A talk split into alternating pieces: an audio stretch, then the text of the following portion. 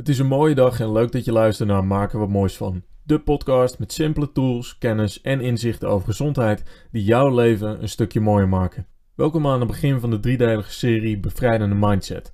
Ik ben van mening dat mensen veel meer gelimiteerd worden door hun eigen hoofd dan daadwerkelijk uit hun omgeving. In deze driedelige serie ga ik, heb ik drie thema's uitgekozen waarvan ik denk dat ze veel limitaties kunnen opwekken bij mensen in hun eigen hoofd en daarmee ook in hun eigen leven. Zijn dus drie verschillende thema's met drie verschillende oplossingen. De eerste limiterende factor in dit rijtje zou ik persoonlijk zeggen dat het angst is. Angst wordt door heel veel mensen in hun eigen hoofd gecreëerd, maar het kan zich ook heel erg gaan vertalen naar je eigen fysieke omgeving. Het is een soort uh, beperking van je eigen vrijheid. En dat kan dan wel fysiek zijn, dat kan ook mentaal zijn. Alleen vrijheid is namelijk meer dan alleen het niet gevangen zitten tussen vier muren. Vrijheid is veel meer dan dat. Vrijheid is onder andere ook om de dingen te kunnen doen die je wil doen, zonder dat je jezelf daarbij continu tegenzit.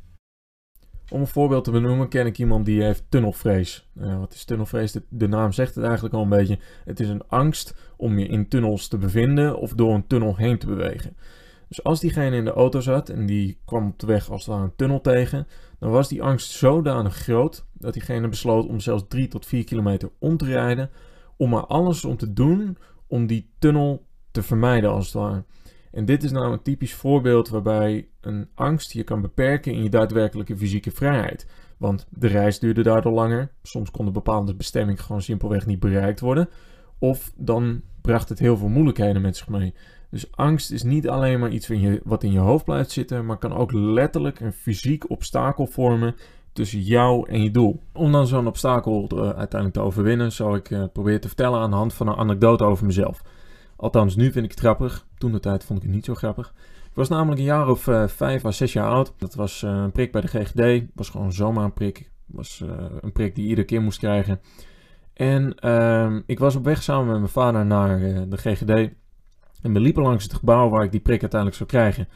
En ik kon van buiten al huilende, schreeuwende kinderen horen. Dus mijn hoofd dacht al van, oh nee, dat gaan we, gaan we echt niet doen.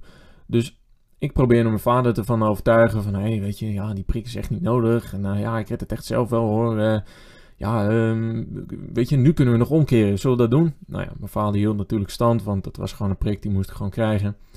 En uiteindelijk uh, liepen we dat gebouw binnen. En er was in de wachtruimte een rij stoelen tegen de muur aangezet, die uiteindelijk liep naar de deur waar je dan uiteindelijk de prik zou krijgen. En iedere keer als er dan iemand naar binnen toe ging, dan schoof de hele rij een stukje op. Dus je zag uiteindelijk steeds dichterbij komen dat je, dat je die prik daadwerkelijk zou gaan krijgen. En ik zag iedere keer kinderen naar binnen toe gaan. Ik hoorde ze huilen, schreeuwen, weet ik het wat, allemaal moeilijk doen. En vervolgens kwamen ze er al huilend uit. Dus ja, ik dacht van nou, dat gaat nog wat worden. Uiteindelijk was ik aan de beurt. Ik loop naar binnen toe. Ik ga op die stoel zitten. En ik zie die naald liggen. En toen dacht kleine Niels van, oh hell no. Fuck no. Dit gaan we niet doen. Dus ik sprong op uit die stoel. Ik speurde de deur heen. Speurde naar buiten toe. Achterna gezeten door een arts en door mijn vader. Eindstand was dus dat ik door zowel mijn vader als nog twee andere artsen eh, met mijn spartelende ledematen werd tegengehouden om uiteindelijk toch nog die prik toegediend te krijgen. Nou, met alle drama die eruit voortkwam, had ik een angst voor naalden ontwikkeld. En die was er toen ik 16, 17, 18 jaar was, nog steeds. En toen dacht ik van ja, ik moet hier toch echt wel wat aan gaan doen. Dus kwam ik op het grandioze idee om aan te melden bij de bloedbank.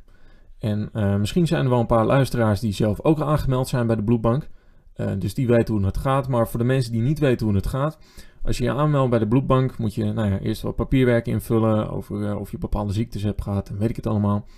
En dan kan je op een gegeven moment kiezen van ik wil bloed doneren of plasma doneren. Plasma is een onderdeel van je bloed. Daar zal ik nu verder niet op ingaan. Maar het verschil tussen plasma doneren en bloed doneren is dat plasma doneren duurt wat langer. Uh, maar het gaat in principe allebei op relatief dezelfde manier. Nou, ik doneer plasma. En wat er dan gebeurt is, uh, breng een, een infuus in. En die naald, dat is best wel een dikke naald. Want daar moet natuurlijk al dat bloed eerst doorheen. Dus dat zijn niet de naaldjes die worden gebruikt bij bijvoorbeeld je vaccinatie of bij andere prikken die je hebt gehad voor als je naar het buitenland toe gaat. Dat zijn wel echt dikkere naalden. En iedere keer als ik daar kwam, dan moest ik zeg maar, nou ja, comfortabel als het ware maar proberen te worden met het feit dat ik geprikt werd door een naald. Nu word je dan geprikt met die naald. Je blijft gewoon rustig zitten. Ja, je, je leest een boekje, je luistert wat muziek, doet wat anders. En dan wordt het bloed uit je, uit je lichaam genomen. Voor een deel natuurlijk, niet alles. Dan wordt het uh, bloed gecentrifugeerd. Plasma wordt, erachter, uh, wordt daar in zo'n bak achtergelaten. En vervolgens wordt je bloed weer teruggepompt. Dus je zit wel eventjes met die naald in je arm. En ik gebruikte die tijd om dus te kalmeren. Dat ik dacht van oké, de naald zit erin. En dat gaat dan echt over een half uur of drie kwartier dat je daar dan zit voor plasma doneren. En gewoon heel rustig proberen te worden, gewoon kalm te worden en comfortabel bij het gevoel van dat die naald in mijn arm zit. En dat heeft uiteindelijk voor mij toch wel er echt voor gezorgd dat ik niet meer die angst ervaarde bij naalden. Um, en waarom wilde ik dan zo graag uh, af van die angst van naalden? Je zou denken van ja, weet je, als, ja, als je angst van naalden hebt, dan zijn er ook zat andere manieren. Als je bijvoorbeeld voor een operatie onder narcose gebracht moet worden, dan kunnen ze net zo goed uh, een kapje over je mond heen plaatsen en dan uh, ga, je, ga je lekker slapen. Dus er hoeft niet altijd een naald bij te pas te komen. Maar mijn gedachtegang was meer, stel dat ik die angst voor naalden, dat ik die behoud. Stel dat die blijft. Over zoveel jaar hoe zou mijn leven er dan uitzien? Dus stel dat ik daadwerkelijk echt een prik ergens voor nodig heb, of ik moet een operatie ondergaan en het kan echt niet anders, ja, dan zit ik nog steeds met die angst met naalden.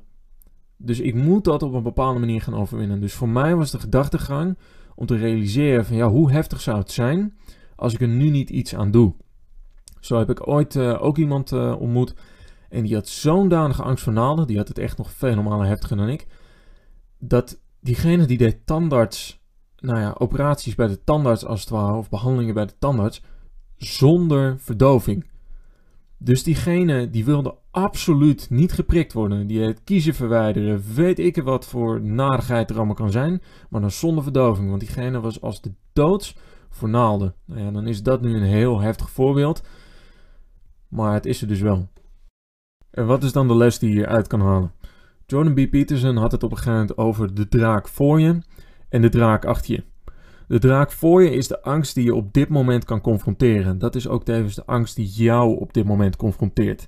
Dus de angst die je op dit moment voelt. In het verhaal wat ik net vertelde zou dat dus zijn het daadwerkelijk geprikt worden door een naald. Dat was de angst die voor mij staat. Maar de draak achter je, die is nog vele malen groter, vele malen, vele malen gevaarlijker en ook nog eens veel moeilijker te verslaan. Dat is de angst die bijvoorbeeld mijn angst voor het prikken, geprikt worden door een naald is. Maar als ik het dan jaren gewoon zo laat zitten. Dus ik laat het uitgroeien tot iets groters en ik laat me leiden door die angst. Wat hij dus ook zei, en wat ik met mijn verhaal ook probeer te vertellen, is confronteer die angst die voor jou staat. En relativeer het. Van nu is die angst dit.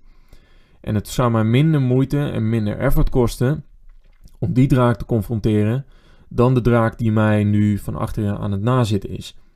Want die draak die gaat je op een gegeven moment te pakken krijgen en dat gaat alleen maar erger en erger en erger en erger worden.